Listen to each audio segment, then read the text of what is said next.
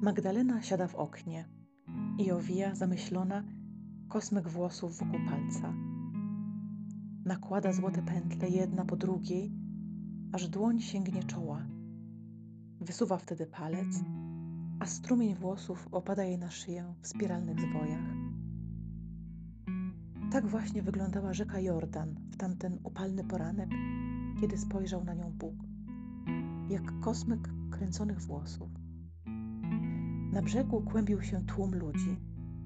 Gromadzili się wokół mężczyzny, który polewał im czoło chłodną wodą. Woda spływała im wzdłuż ciała, zmywając ciemne plamy, jak grudki brudnej farby, niewidzialne dla ziemskich oczu. Opadały na powierzchnię rzeki i unosiły się na niej jak rzęsa na stawie za szkołą. W tę wierzchnią maś, w ten lepki kożuch, ktoś zanurzył właśnie bose stopy. Synku, zawołał do niego wzruszony Bóg. Synku. I był to ten sam sen, który opowiadała babcia w chłodny marcowy wieczór, wyszywając na serwetkach blade przebieśniegi. W jej śnie odeszły mrozy.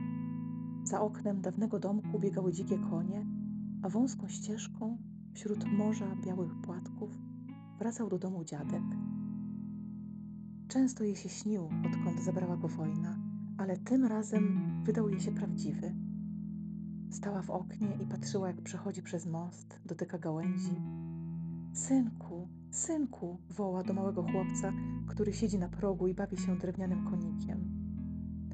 Chłopiec poznaje go. Serce uderza mu ogromnym dzwonem, mosiężnym, przestwornym. Nagle nie jest w stanie utrzymać go między żebrami. Zrywa się i zaczyna biec przed siebie, łapiąc powietrze w szeroko otwarte gardło. Przeskakuje po kamieniach na drugą stronę rzeki i wbiega do lasu. Czuje, jak igły wbijają mu się w bose stopy. Babcia odkłada płócienną serwetkę. Niech biegnie, mówi, zapominając, że od tamtego snu minęło pół wieku. Jezus rozpoznał głos nad Jordanem. Przypomniał sobie twarz, którą widział na początku czasu. Dojrzał ją teraz, pochylony, w dostojnym zwierciadle rzeki. Serce uderza mu mocno.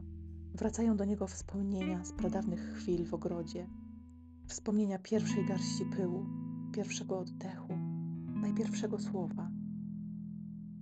Wychodzi z rzeki i idzie przed siebie, na oślep, coraz szybciej, po ostrych kamieniach, prosto w pustkę wyschniętą ciszę pustyni. Krawędź brudnego kożucha przykleja mu się do ramion, wypełza z rzeki i ciągnie się za nim poplamionym trenem.